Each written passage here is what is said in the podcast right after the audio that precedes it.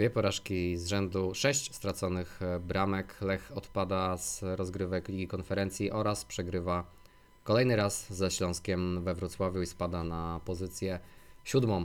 E, W najgorszych do tej pory nastrojach witamy się z Wami w kolejnym odcinku Poznańskiego Ekspresu w składzie z dobrze Wam znanym Radek Laudański. i Marcin Jerzyk.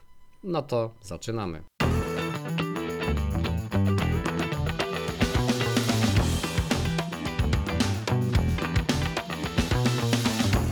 Dzień dobry oraz dobry wieczór.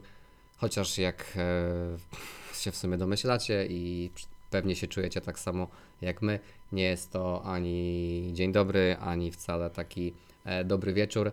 E, Postaramy się dzisiaj pogadać z Wami e, o tym, co się wydarzyło e, przez te ostatnie, przez tych ostatnich e, kilka dni. No i tak jak ja przynajmniej napisałem na Twitterze, troszeczkę sobie zażartowałem wczoraj, że tego grilla już rozpalamy e, e, z Radkiem i że e, będzie ogień. No oczywiście dużo takich pewnie mocniejszych, ostrzejszych słów i krytyka też się tutaj z naszej strony mm, pojawi, no bo wiadomo, jak jest czas, no to chwalimy, a jak jest ten trochę gorszy czas, to trzeba troszeczkę też zganić. Natomiast spróbujmy, tak sobie mówię to sam do siebie, trochę do Radka, ale też, też do Was, żeby to był dla nas taki, taki moment, w którym e, bylibyśmy dla siebie taką grupą wsparcia. E, i nie mówię, że to będzie psychoterapia kibica Lecha, ale e, wywalmy z siebie to, co złe, no i poszukajmy też może jakichś takich akcentów optymistycznych, chociaż oczywiście w tym momencie trudno o to, ale spróbujemy. Spróbujemy też e, nad tym wszystkim się e, pochylić, tak aby nie zostawić Was tylko i wyłącznie z tym e, efektem zdołowania, chociaż ja sam przyznaję się, że jeszcze jest mi z tym wszystkim ciężko, jeszcze się nie pogodziłem z tym, jeszcze nie doszedłem tak całkowicie do siebie, mimo że no, od meczu w Trnawie już parę dni minęło, a po tym meczu e, we Wrocławiu już można się było z tą porażką jakoś e, przespać, ale przetrawić to wszystko e, nieco gorzej. No tak, e, nie wiem, czy będziemy przerabiać e, to wszystko, co się, co się wydarzyło, czy przejdziemy do jakichś bardziej e, ogólnych wniosków. No ale zacznijmy może od tego, co wydarzyło się e, w Trnawie. E, Ja tak powiem na początku tak ze swojej perspektywy. Nie znajdziecie tutaj, przynajmniej w moim e, wykonaniu, bo to parę osób, które, które mnie znają, które wiedzą, że żyję Lechem, mnie pytały, co się stało, jaka jest, jakie jest wytłumaczenie. Ja powiem Wam szczerze, że ja nie znajduję takiego jednego racjonalnego wytłumaczenia na to, co się stało. Będziemy szukać, będziemy pewnie znajdować, e, znajdować jakieś tam drobne e, elementy tej układanki, które nam być może pomogą w znalezieniu odpowiedzi. Natomiast jakby to się nie miało prawa wydarzyć e, w takim wydaniu, jak, jakie miało miejsce w czwartek, więc tak, takiego racjonalnego argumentu na to, żeby to wytłumaczyć, to według mnie po prostu nie ma. No, niby nie ma, ale jak ja sobie popatrzę na te ostatnie tygodnie w Lechu Poznań, to wszystko niestety składa się w taką logiczną całość. No Lech przepychał te mecze. No, na przykład mecz wygrany był z Piastem Gliwice, no, ale gra też tam była daleka od ideału. To też tam był taki łód szczęścia. Gdzieś tam Lech te mecze przepychał indywidualną jakością poszczególnych piłkarzy, a widać było, że ta jakość troszeczkę też była tak napompowana takim tym początkiem sezonu, a potem, kiedy trzeba było łączyć ligę co trzy dni, no to pojawiał się problem fizyczny. Myślę, że najlepiej to było widać po Dino Hoticiu. Też pamiętam, kiedy był mecz, nie wiem, czy to już było z Żalgirisem Kowno, czy z Radomiakiem, ale pamiętam, że w przerwie sobie rozmawiałem z Dawidem Dobraszem, no i wtedy Dawid mi powiedział, że zobacz, Hotić gra tak bardzo fajnie, ale on już po 15-20 minutach już było widać, że ciężko oddycha na boisku. No i wtedy gdzieś tam takie symptomy były powiedzmy lekceważone, no bo on na boisku dawał tą dużą jakość, w pierwszych połowach zawsze robił show, no ale teraz widzimy, że w dłuższej perspektywie, kiedy trzeba łączyć ligę z pucharami, Hoticia po prostu nie było. No, nie dał nic pozytywnego Lechowi Poznań. Podobnie żyć się ma Eliasa Andersona, który miał znakomite wejście do kolejorza. Wszyscy zachwycaliśmy się jego intensywnością, jego zagraniami. Myśleliśmy, że to jest dużo lepszy piłkarz niż Pedro Rebocho, bardziej pasujący do tego systemu gry w ataku pozycyjnym, a dzisiaj tak naprawdę możemy mieć zupełnie inną opinię. To nie jest takie ogniwo, które wzmacnia Lecha Poznań. Trzeba dać temu piłkarzowi czas. Pewnie kiedy będzie lepiej przygotowany fizycznie, nabierze trochę świeżości, może teraz przez te 10 dni będzie miał taką sposobność, to wróci do swojej formy, ale szczerze powiedziawszy, kiedy grał Pedro Rebocho, nawet, nawet w sytuacjach, kiedy zawodził, kiedy miał dołek formy, no to nie przypominam sobie w jego wykonaniu takich słabych meczów, jakie ma teraz Elias Anderson. No i generalnie no też tutaj myślę, że takimi przesłankami, które mogły mówić, yy, że Lech może w Trnawie przegrać, no też była dyspozycja poszczególnych piłkarzy, no bo nie tylko w Trnawie Mikael Iszak na przykład zawodził, tylko to też już jest taka tendencja gdzieś tam się utrzymująca. Iszak po Boreliozie tak naprawdę nie zagrał dobrego meczu. Udało mu się strzelić bramkę, ale ta bramka to też była taka tak naprawdę... Bardziej bramka tak, Hoticia. bardziej bramka Hoticia, gdzieś tam Isak sobie dostawił nogę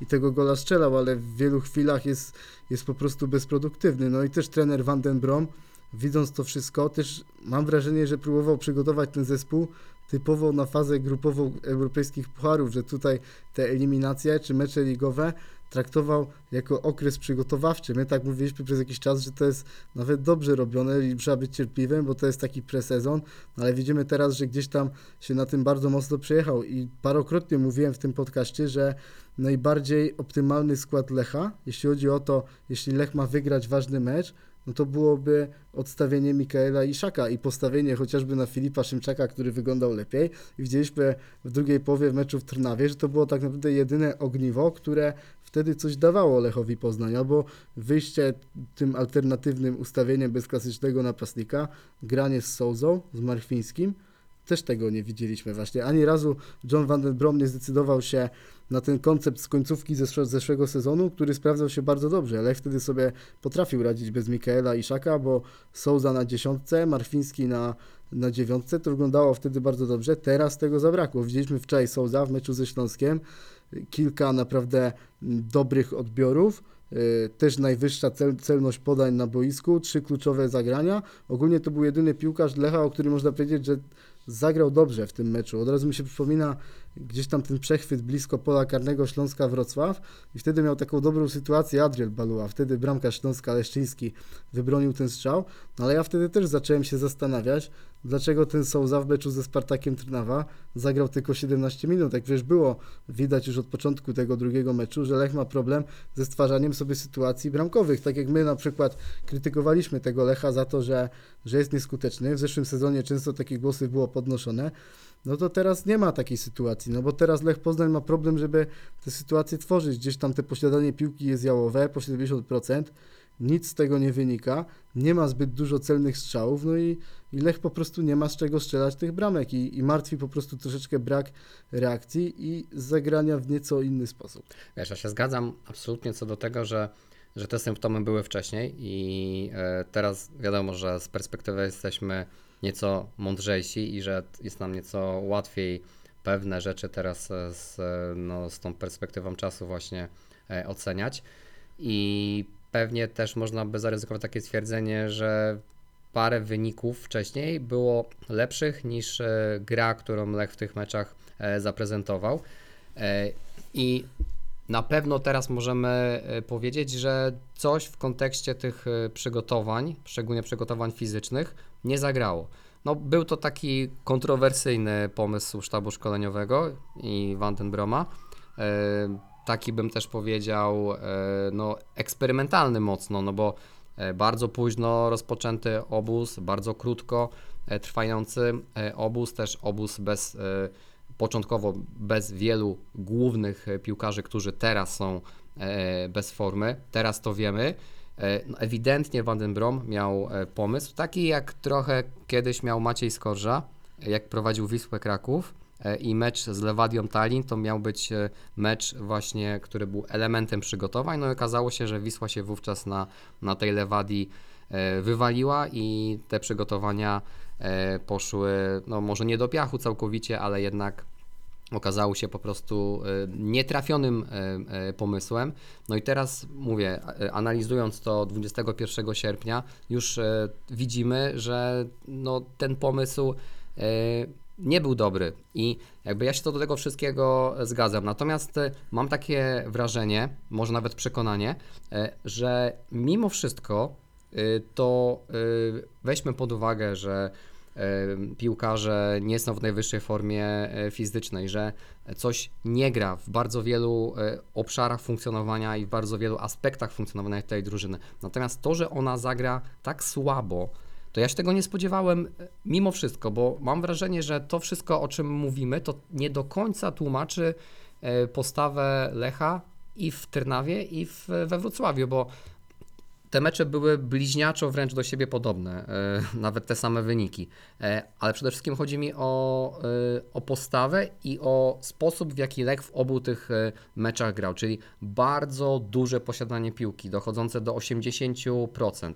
E, Bardzo dużo podań, podań głównie w, w poprzek boiska do najbliższego kolegi z drużyny i kompletnie nic z tego nie wynikało. Jeszcze w niedzielę był dodatkowy e, problem, bo nie było Joela Pereiry, a często jak Lechowi nie szło i nie było e, innej koncepcji, no to piłka na skrzydło, Joel próbował wrzucać, e, wiadomo ile miał asyst w tym sezonie, jaką miał e, skuteczność, no i za którymś razem zwykle się udawało. Tym razem za wrzutki odpowiadał Alan Czerwiński, no i tutaj ta jakość już czysto piłkarska była też e, zupełnie inna, więc te problemy się nieco, nieco pogłębiają.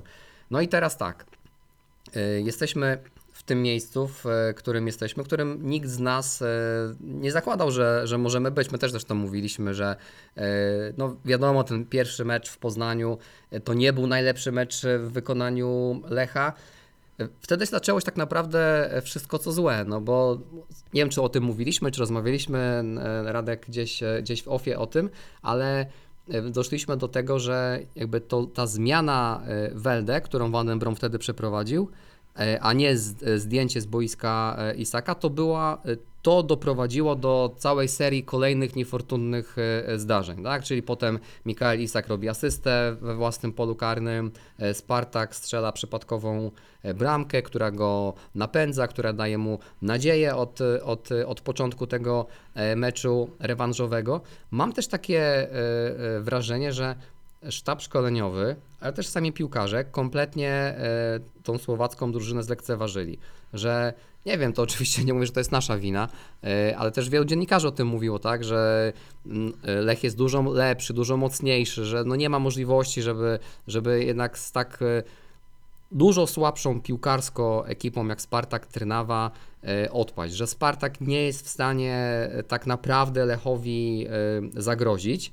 E, I, I mam wrażenie, że piłkarze w to, e, w to uwierzyli i wyszli na to spotkanie i zagrali je w taki sposób, że po prostu my jesteśmy lepsi, nam ten awans się e, należy. A co do sztabu, to właśnie e, taki kamyczek do, e, do ich ogródka, że tutaj oprócz tego, że trener nie czytał do końca tego, co się dzieje na, na boisku, bo tymi zmianami czasami nie pomagał, a czasami wręcz szkodził drużynie. Ale inna rzecz, że e, kwestia przygotowania taktycznego.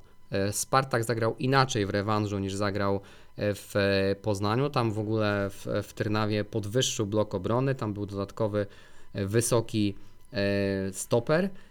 No i Lech nie umiał na to odpowiedzieć i to jest rzecz taka mocno zastanawiająca i to mi każe myśleć o tym, że i Van den Brom, i sztab szkoleniowy, i piłkarze byli zbyt pewni tego, że ten awans po prostu im się e, należy i że są po prostu lepsi. Są tak jakby piłkarsko lepsi, no ale to musisz wyjść i na boisku to pokazać. No ostatnio też mam takie wrażenie, że tak naprawdę jeśli chodzi o ten pierwszy mecz ze Spartakiem Trnawa, no to tam Lech był nieskuteczny. Tam była ta intensywność, tam był rywal zdominowany piłkarsko. Z tamtego meczu można było wycisnąć dużo więcej.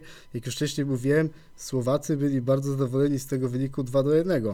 No i tutaj mam wrażenie, że tak już dam taką refleksję ogólnie śledząc te mecze Lecha Poznań, że tak naprawdę nie, jest, nie są potrzebni wirtuozi piłkarscy, jakiś wybitny trener, aby tego Lecha rozczytać, no bo Lech gra cały czas tak naprawdę tą samą piłkę, cały czas jest to posiadanie gdzieś 70-80%, te podania w poprzek i teraz jeszcze dziury w obronie i to łatwo wyko- wykorzystać przy okazji kontrataku. Widzimy, że tutaj wcale nie jest potrzebny taki trener jak Marek Papszun, Waldemar Fornalik czy, czy tacy inni cenieni polscy trenerzy, żeby tego Lecha rozczytać. Mam wrażenie, że trener Spartaka Trnawa pier- po pierwszym meczu wyciągnął pewne wnioski i wiedział po prostu jak z tym Lechem zagrać. I tutaj też jest taki kamyczek dla, dla Johna Van den Broma, dla sztabu szkoleniowego, że nie ma tej innej strategii gry, że ja często oglądając tego, tego Lecha Poznań, czuję się jakbym oglądał na przykład Barcelona Ronalda Kumana, czy, czy tą Barcelonę, która miała problem właśnie z tworzeniem sobie sytuacji bramkowych, gdzie też było to posiadanie takie bardzo wysokie, ta gra w poprzek, która zmęczyła wszystkich kibiców i tak naprawdę irytowała. Obrona była dziurawa, rywal bardzo łatwo kontrował i tak naprawdę nie było żadnego planu B. I ja tutaj widzę praktycznie bliźniacze problemy w Lechu Poznań. Brykuje mi takiego innego podejścia troszkę, że nie wiem, kiedy nie idzie w tym ataku pozycyjnym, kiedy, kiedy ten Lech widać, że że to posiadanie staje się takie jałowe, nie przekłada się na strzały celne. Tu widzieliśmy bardzo dobrze właśnie przy, tej, przy okazji tych dwóch ostatnich meczów, że nie ma pewnej jakiejś takiej zmiany koncepcji w trakcie meczu, no bo dzisiaj nowoczesny futbol sprawia, że często trenerzy nawet w trakcie meczu rotują formacjami, zmieniają różne systemy gry. Mi od razu się przypomina jeden mecz Lecha z Rakowem, wtedy przegrany tutaj przy Bułgarskie. Pamiętam jak Lech kiedy zagra, zagrał tutaj kiedyś trójką obrońców, zagrał w taki bardziej bezpośredni sposób z tym Rakowem i to zaskoczyło mimo wszystko to drzynę Marka Papszuna. Wtedy pamiętam Raków y, wygrał ten mecz jakością rezerwowych, no bo ten mecz taki był na styku,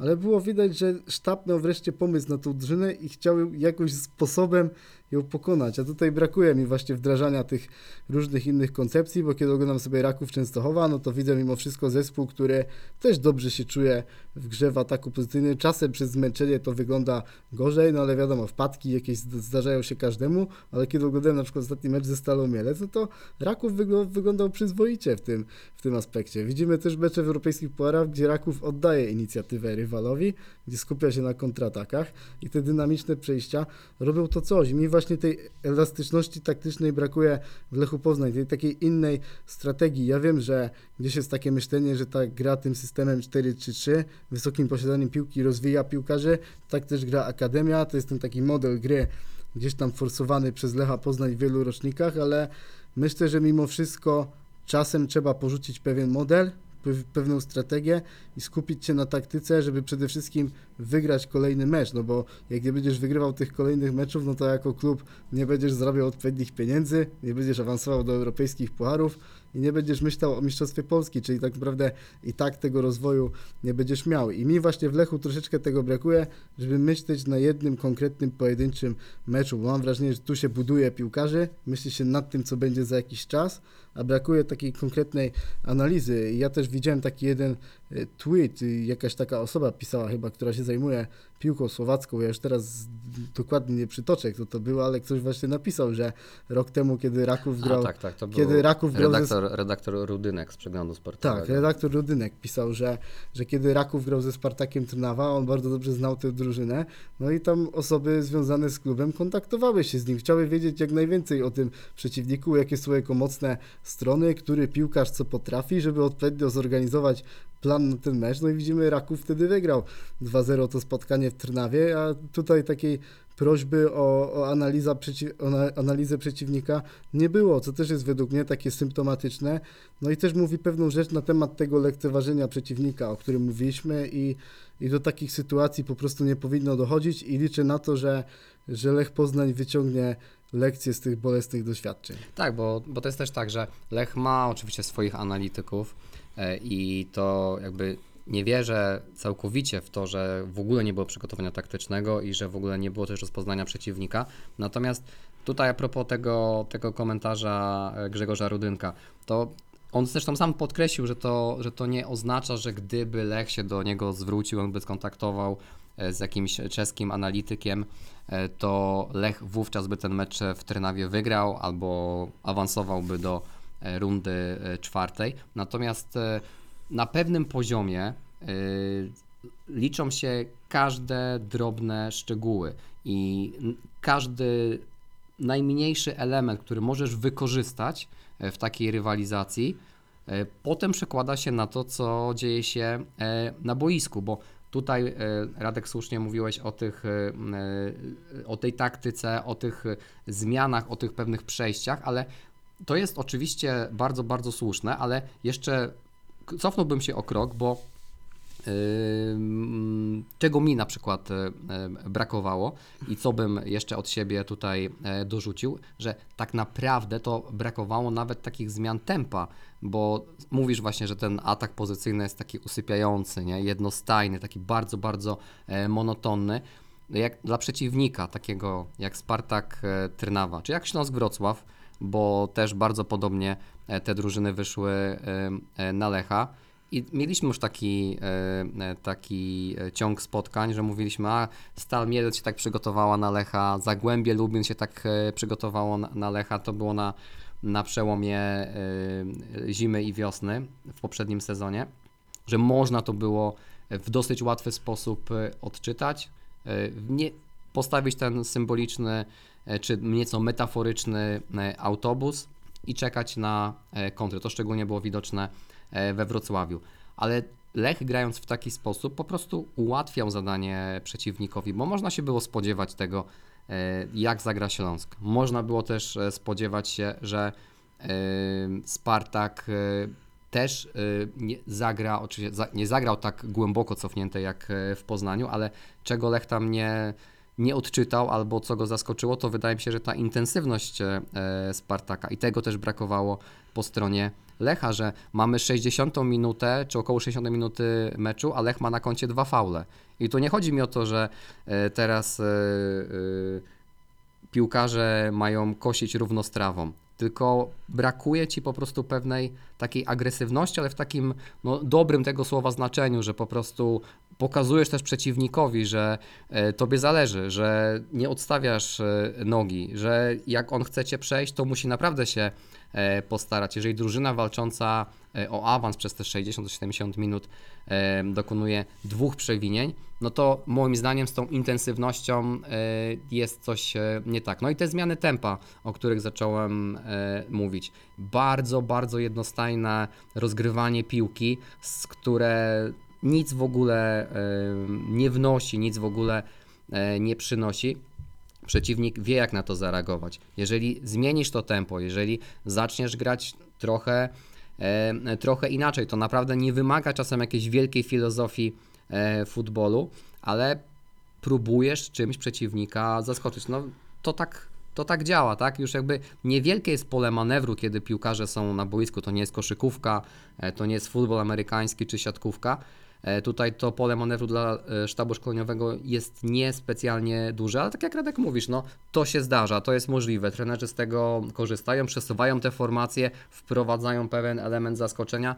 Tutaj kompletnie z tego e, zrezygnował niejako. No i jeszcze, jeszcze jedna rzecz, tak jak mówiłem o tej intensywności e, Spartaka, to tego w ogóle po stronie Lecha nie widziałem. Lech był tak zaskoczony tym, że stracił te dwie bramki, a później trzecią, że kompletnie nie potrafił na to odpowiedzieć, kompletnie nie potrafił na to e, zareagować. E, takie symptomatyczne obrazki e, z ławki i, w, i z Trnawy, i z Wrocławia. E, trener Van den Brom patrzy na to, co się dzieje na, na boisku i mam wrażenie, że on po prostu nie wierzy, że on nie wierzy. Ja też nie wierzyłem, ale ja nie jestem trenerem i nie siedzę z tymi piłkarzami w szatni, nie rozmawiam tam z nimi i nie prowadzę tej drużyny, więc mnie to może szokować, ale mam wrażenie, że tutaj to, co się tam e, działo, to nawet e, dla tak doświadczonego trenera e, jest szokujące, jest zaskakujące. No i teraz, co tak naprawdę, na co możemy liczyć, co może się wydarzyć? To mówiliśmy, że te przygotowania były robione pod fazę grupową, czyli ten szczyt formy powinien być przed nami. No i to jest ten element taki, takiego delikatnego optymizmu, chociaż no, po tych dwóch meczach ciężko szukać e, optymizmu e, w tych piłkarzach. Ale co chciałem powiedzieć? Ja nie wierzę w to, e, że Antonio Milic, Jesper Karlström, e, czy Elias Anderson, czy Dino Hotic, czy mógłbym tak jeszcze wymieniać długo, bo tak naprawdę za mecz z Wrocław, z, ze Śląskiem we Wrocławiu to możemy wyróżnić Alfonso, Alfonso Sousę i, i to by było na tyle. Nie wierzę, że ci wszyscy piłkarze po prostu przestali umieć grać, że oni stracili swoje umiejętności i że oni tak będą grali zawsze. E, Ewidentnie brakuje im siły, ewidentnie brakuje im jakiejś takiej wydolności, motoryki, dynamiki e, i to musi przyjść. E, W to wierzę, bo jeśli tak się nie stanie, to znaczy, że to, to już jest, nie, to, nie, to nie jest koniec, ale to będziemy mieli naprawdę bardzo duży kłopot, żeby się z tego e, wykopać. Natomiast e, mam e, przeświadczenie, może nie przekonanie, ale przeświadczenie, że to się wydarzy, że, że tak były pomyślane te przygotowania. Teraz mamy trochę e, czasu. Nie wiemy w sumie ile, czy to będzie 10 dni, nie wiadomo, czy ten mecz z Jagiellonią będzie 30 sierpnia, czy nie, co do tego decyzji nie ma. Wczoraj trener Madenbrom mówił na konferencji, najpierw powiedział, że ten mecz będzie, potem, że to w sumie nie jest jego decyzja. E, Na poniedziałek wieczór nie wiemy, czy ten mecz będzie rozegrany 30 sierpnia, ale tam już jakieś inne kwestie e, wchodzą w grę, których w sumie nie będziemy tutaj e, roztrząsać. E, Czekamy na to, ale no albo mamy dwa tygodnie na taki długi mikrocykl albo kilka krótszych e, mikrocykli, albo mamy 10 dni do, e, do kolejnego meczu. No i zobaczymy.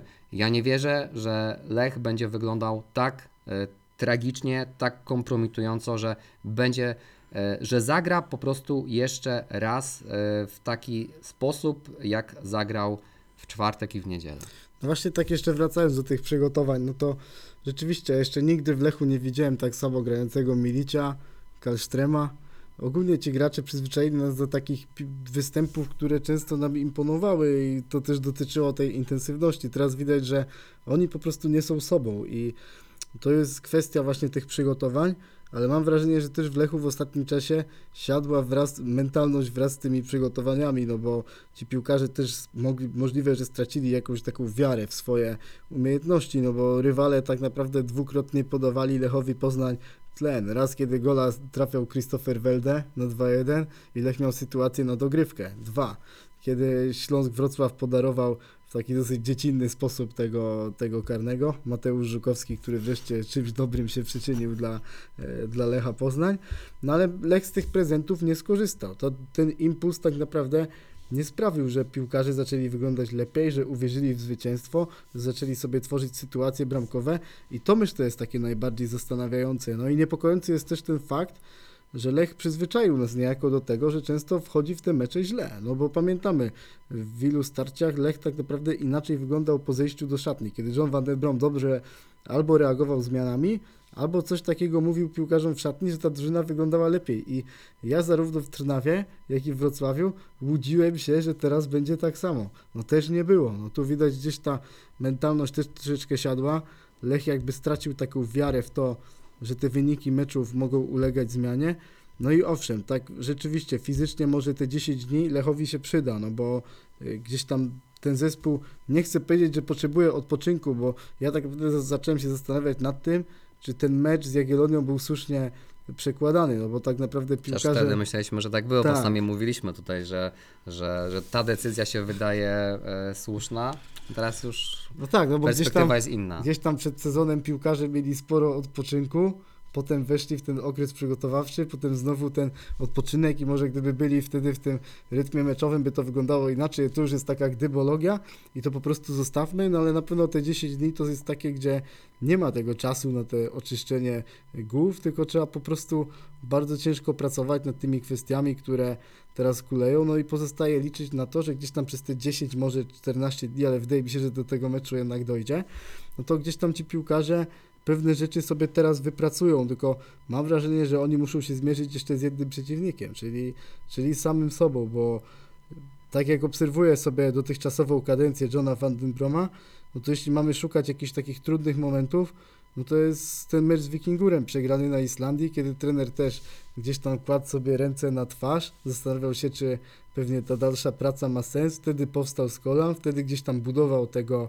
tego wielkiego Lecha dalej, ale wtedy nie mierzył się z taką klęską, no bo cały czas miał w głowie to, że może awansować do tej ligi konferencji i robić tą dobrą taką przygodę. No teraz perspektywa jest zupełnie inna.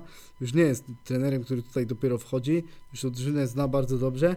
No i mam wrażenie, że Van den Brom znalazł się teraz w najtrudniejszym położeniu, od kiedy przyszedł teraz tutaj do tego klubu. No ciężko się wypowiada te słowa, no ale przez ten tydzień rzeczywiście się teraz zmieniło dużo rzeczy. No i mam wrażenie, że piłkarze, jak i trener muszą teraz powalczyć z samym sobą, pokazać, że gdzieś tam są w stanie przetrwać ten trudny moment, że, so, że są pracownikami Lecha Poznań, że nie mogą się poddawać w takich momentach i gdzieś tam pokażą, że, że gdzieś tam stać ich na to, żeby zapisać się jeszcze tymi złotymi zgłoskami w historii tego klubu. No ja liczę na to, że gdzieś tam każdy, każdy z tych chłopaków teraz będzie chciał udowodnić za wszelką cenę to, że potrafi tutaj grać, potem ewentualnie się wypromować gdzieś i, i iść dalej, że gdzieś tam te głowy nie siądą w tym momencie, no bo wiemy, że to też nie jest łatwe teraz podnieść się po takim czymś. Wiemy, jaka jest atmosfera tutaj w Poznaniu, jak tutaj kibice bardzo gorączkowo reagują na tego typu rzeczy. No myślę, że dużo więcej dowiemy się gdzieś tam za te 10-14 dni, jak ta drużyna wygląda. Teraz takiego jest bicie na alarm, bo to wiadomo, nie jest taka sytuacja, na którą, którą można zaakceptować, no ale też nie zgadzam się z tymi głosami, na przykład, że teraz Van den Brom out, tak jak często tak, czytamy no. na Twitterze, bo to jest takie mówienie... Od ściany do ściany. Tak, od ściany do ściany, takie mówienie w emocjach, no, zwolnić trenera po dwóch porażkach, no nie, no to gdzieś tam się nie godzi. Nie, no szanujmy się. Dobra, jest trochę więcej tych symptomów, jak właśnie te przygotowania i tak dalej, to, to też widać, ale no Van den Brom potrzebuje też czasu, żeby to ogarnąć. Nauczmy się dawać trenerowi, trenerom szansę, aby popracowali trochę w kryzysie i, i nauczali e, i pokazywali, jak można z nich wychodzić. Dobry przykład na przykład Milan Stefano Piolego w zeszłym sezonie. No też wydawało się, że ta drużyna jest totalnie rozbita, przygotowanie, taktyka, wszystko totalnie leży.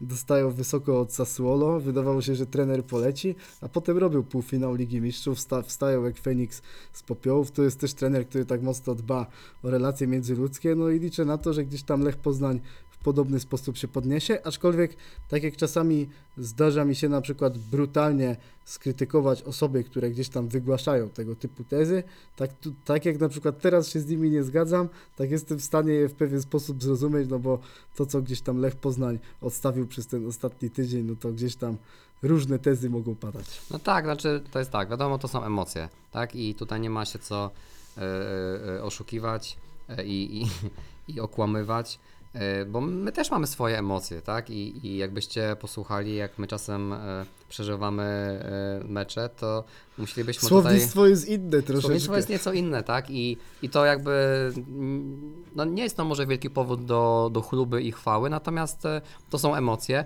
e, i, ale potem mecz się kończy i e, już ten język staje się e, nieco inny.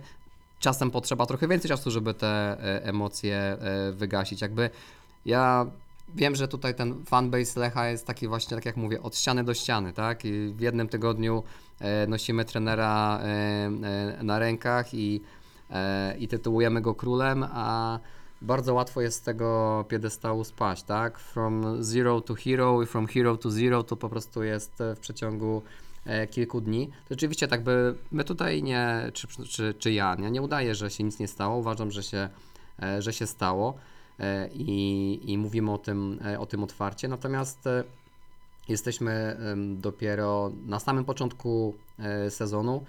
E, Oczywiście e, plany były zupełnie inne i to jest duże rozczarowanie dla nas jako dla kibiców, dla nas e, jako dla osób prowadzących ten e, podcast, bo e, wiadomo, że fajnie się tutaj spotyka, jak się coś dzieje, jak mamy mecze co trzy dni, jak możemy sobie z Wami e, pogadać, zorganizować e, live przy okazji losowania na przykład. No nie zrobimy już tego i, e, i musimy poczekać na to, e, na to kolejny rok.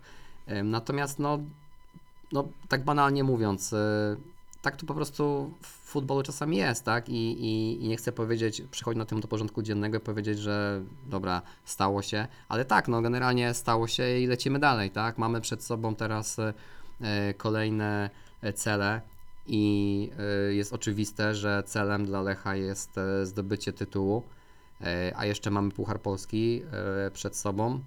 E, Na razie o tym, o tym jeszcze nie myślę, bo też mam traumę związaną z Pucharem Polski, no ale wiecie o co, wiecie o co chodzi, tak? E, e, Musimy, tak samo my, tak samo piłkarze, tak samo ludzie, którzy pracują w klubie, te 10 dni czy 14 kolejnych dni poświęcić na to, żeby po prostu te emocje uspokoić, ale żeby też po prostu wrócić do tego, że to jest nasza frajda, tak? Bo jakby nikt nie wierzy, że ktoś kibicuje Lechowi, bo mu ktoś kazał, tak? Y, My to robimy z pasji, to jest nasza przyjemność, to jest nasza rozrywka, to jest e, część ważna naszego życia, ale to jest, e, to jest zabawa, tak? Słuchajcie, jak oglądacie e, Teda Lasso, ja bardzo lubię ten serial, bardzo lubię tam wyciągać sobie różne, różne sceny, które można sobie potem przekładać na, na rzeczywistość związaną na przykład z Lechem.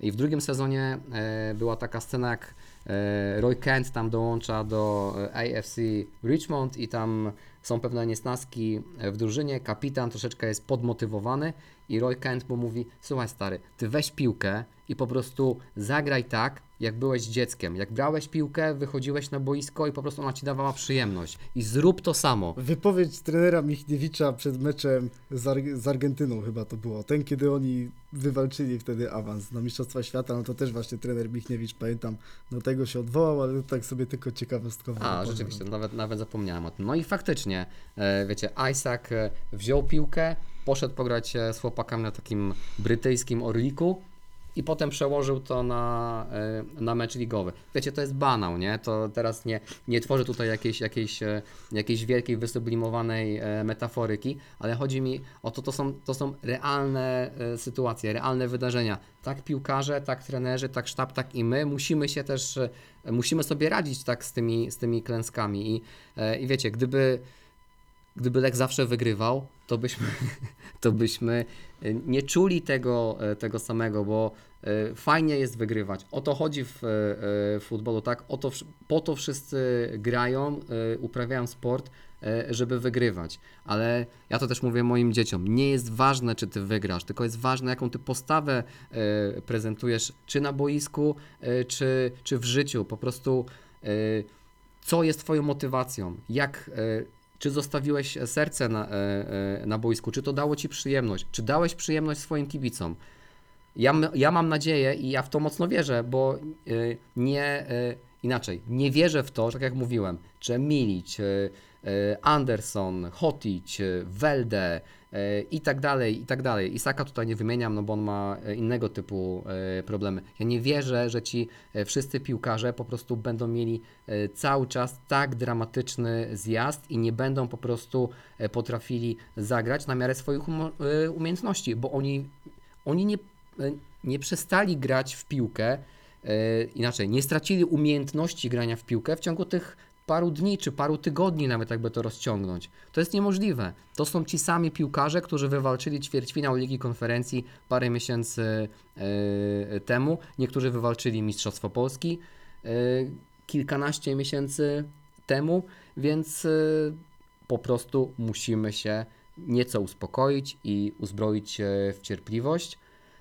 I myślę, że czy to będzie mecz z Jagiellonią, czy to będzie mecz z Górnikiem, to będzie wyglądało zupełnie inaczej. Był monolog Marcina, no to jeszcze będzie jeden mój. Nie powiem, że się nie poddam, bo gdzieś tam wszyscy się to gdzieś tam troszeczkę poddaliśmy w tym ostatnim czasie, ale tak myśląc o tych ostatnich wydarzeniach w Lechu, no to szczerze powiedziawszy, ja tak się zastanawiam, kiedy ja jako kibic Lecha, po której klęsce się czułem najgorzej. I wiadomo, przeżyłem gdzieś tam te wszystkie Stiarnany, Żalgirisy, kampanię w 2018 roku, która, gdzie nie doszło do Mistrzostwa Polski, ale myślę, że mimo wszystko najgorzej się poczułem teraz. Jednak, no bo miałem takie poczucie, że wtedy, kiedy Lech przegrywał to Mistrzostwo Polski, kiedy Lech odpadał z pasterzami, no to wtedy mimo wszystko ta kadra nie była taka jakościowa, ten Lech nie miał takich perspektyw finansowych, rankingowych, a teraz mimo wszystko został, nie chcę powiedzieć zaprzepaszczony pewien potencjał, no bo to jeszcze nie jest taka sytuacja bez wyjścia. Lech w przyszłym sezonie nadal będzie miał całkiem niezły ranking, sytuację finansową pewnie też, no ale gdzieś tam troszeczkę mimo wszystko spowolnił ten rozwój klubu, no i to mnie bolało najbardziej, że ta klęska przyszła w takim momencie, kiedy się wydawało, że ten Lech jest na takiej fali wznoszącej, że tak jak poznańskie społeczeństwo widać, że od wielu lat ma tu takie pragnienie tego wielkiego Lecha, gdzieś tam daje miłość tym piłkarzom, piłkarzom i wydawało się, że oni teraz w końcu tego Lecha mają od dwóch lat, bo ja pamiętam taki moment, kiedy Lech grał z Radomiakiem Radom, pierwszy mecz z sezonu mistrzowskiego za czasów trenera Skorży. Tam był totalny maraz, przyszło tylko 10 tysięcy kibiców na stadion, teraz też pierwszy mecz z Radomiakiem, przychodzi ich teraz, mogę się lekko pomylić, ale chyba 25 tysięcy. No to też pokazuje pewną rzecz, w jaką stronę poszedł ten klub przez ostatnie dwa lata. No i dzisiaj tak naprawdę możemy troszeczkę zazdrościć tej wielkiej piłki Rakowowi, no ale mam nadzieję, że teraz w tych najbliższych miesiącach zostanie wykonana taka praca, że gdzieś tam za rok też, mo- też będziemy mogli usiąść, gdzieś tam emocjonować się tą wielką piłką w Poznaniu, no bo to jest potrzebne tego, temu klubowi. Wiadomo, mistrzostwo mistrzostwem, ale Europa to jest to, czym oddycha klub, piłkarze, media, dziennikarze, no bo tacy piłkarze, nie wiem, typu Ali Golizadeh, Christopher Welde, oni tutaj są, żeby grać w Europie, bo tutaj się możesz pokazać, każdy chce grać z tymi dobrymi piłkarzami, klub, kiedy gra w Europie, dostaje pieniądze, dostaje też dużą rozpoznawalność medialną, na tym zyskują dziennikarze, podcasty, taki jak ten nasz, sponsor klubu też na tym zyskuje, więc to na pewno też teraz pewne rzeczy spowalnia. Ja jeszcze bym chciał na sam koniec trafić troszeczkę w taki aspekt piłkarski, bo też zauważyłem taką jedną rzecz. Obserwuję sobie ostatnio Filipa Borowskiego w Warcie Poznań. On ma naprawdę świetne wejście do tego klubu. Bardzo dobrze sobie radzi w defensywie, zarówno na prawej stronie, czasami też ten Szulczek przesuwa go na lewą obronę. Bardzo dobrze sobie się wywiązuje z tych obowiązków w defensywie, ale też daje sporo z przodu. Dobry jest w rozegraniu. Widać ten taki sznyt tej Akademii Lecha Poznań, że ma to coś, że się dobrze czuje w tym ataku pozycyjnym. Ostatnio pierwsza asysta przy golu Dario Wizingera w Radomiu, no i się zaczynam tak zastanawiać, czy Lech dobrze postąpił z tym, że dał go na to wypożyczenie do, do Warty Poznań, no bo tak naprawdę, i to też jest pewien taki mój zarzut do Lecha Poznań, że nie ma takiego myślenia krok do przodu. Często Alex Ferguson o tym mówił, że gdzieś tam jak chcesz odnieść sukces w piłce, to nie możesz myśleć nad tym, co jest tu i teraz, ale myśleć krok do przodu. I Lech tak naprawdę, nie wiem, czy przewidział to, że Joel Pereira wypadnie na dwa miesiące, tak jak teraz, obie to były dwa miesiące, no ale gdzieś tam teraz troszeczkę martwi mnie ta perspektywa, że Lech będzie musiał grać Alanem Czerwińskim na prawej obronie i, i mam takie domniemania, że Filip po prostu mógłby gdzieś na tej pozycji występować lepiej, a Alan lepiej by się mógł czuć na, na tej roli takiego czwartego stopera, ale chciałbym jeszcze zakończyć ten mój monolog optymistycznym akcentem, bo obiecaliśmy to, że gdzieś tam kibice nie będą zbyt dołowani na sam koniec. Kiedy w drodze sobie jechałem tutaj na ten podcast, sprawdziłem sobie coś z ciekawości. Nie, nie liczyłem na to, że z tego wyjdzie jakaś taka dobra ciekawostka, która może kibiców pocieszyć, ale sprawdzałem sobie, ile punktów Lech miał po czterech rozegranych mecz, meczach w trakcie tych sezonów mistrzowskich, które, e, które pamiętamy w nowoczesnej historii. I tak, 2022 rok, ta kampania Macieja Skorży, było punktów 10. Pozycja lidera, wtedy było wszystko takie cukierkowe od samego początku, ale kampania 2.8 2.15 było tych punktów 7, tyle samo co teraz. A w tej kampanii Jacka Zielińskiego w 2010 roku było tylko tych punktów 6. Tak więc jeszcze nie wszystko stracone. Nadal mamy więcej punktów niż wtedy w 2010 roku. Trzeba po prostu teraz dobrze wszystko poskładać do kupy podczas tej przerwy, którą mamy. Gdzieś tam mistrzostwo, Puchar Polski żegnam. Tak jest. E, Słuchajcie, e, mm, za tydzień, czy w weekend e, meczu ligowego Lecha oczywiście nie ma. E, Mecz e, z Rakowem został przełożony na 27 września, no i czekamy na decyzję w sprawie meczu e, z Jagiellonią. Więc w przyszłym tygodniu się oczywiście usłyszymy, natomiast no, nie będziemy siłą rzeczy rozmawiać o tym, co w tym zbliżającym się tygodniu w Lechu się działo.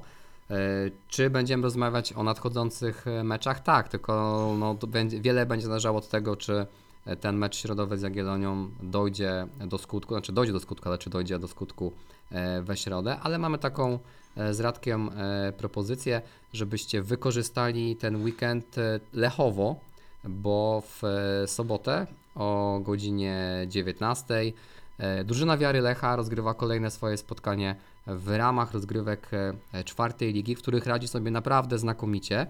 E, To będzie starcie domowe na e, Śródce m, Gdańska 1, Miejski Ośrodek e, Młodzieżowy, przepraszam, Ośrodek Sportu.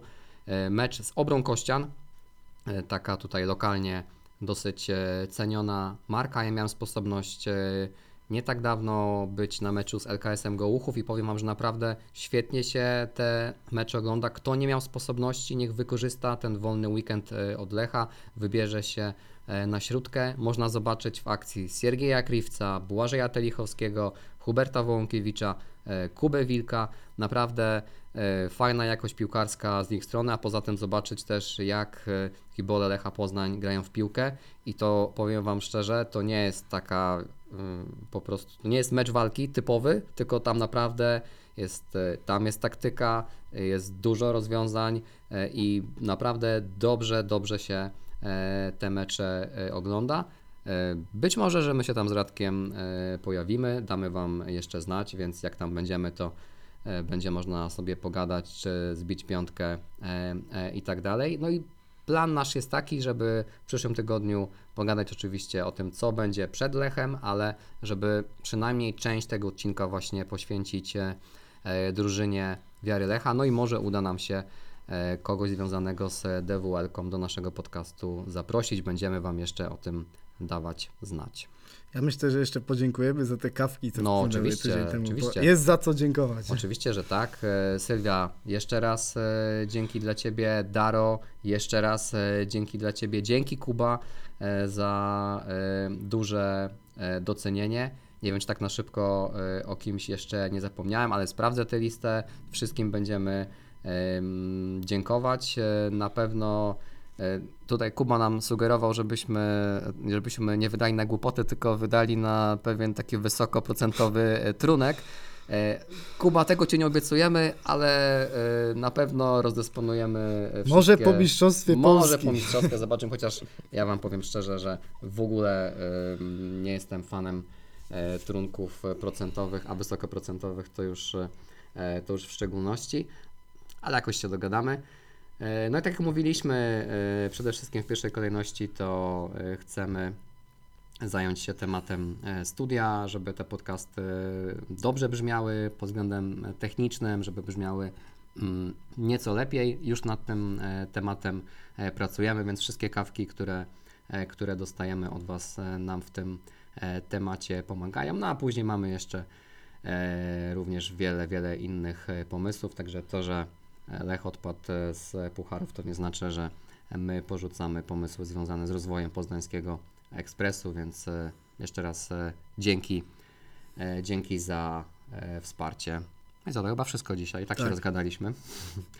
E, No ale wiadomo, taki odcinek, w którym mm, zdecydowanie było, było o czym pogadać, no i trzeba było parę rzeczy z siebie wyrzucić. Dzięki, że byliście z nami. Jeśli dobrze liczę, to był chyba 25, więc taki mały jubileusz poznańskiego e, ekspresu. Słyszymy się oczywiście za tydzień. Życzymy Wam e, dobrego tygodnia. No i wpadnijcie w sobotę na śródkę, żeby e, wesprzeć drużynę Wiary Lecha. Trzymajcie się, do usłyszenia. Cześć. Cześć.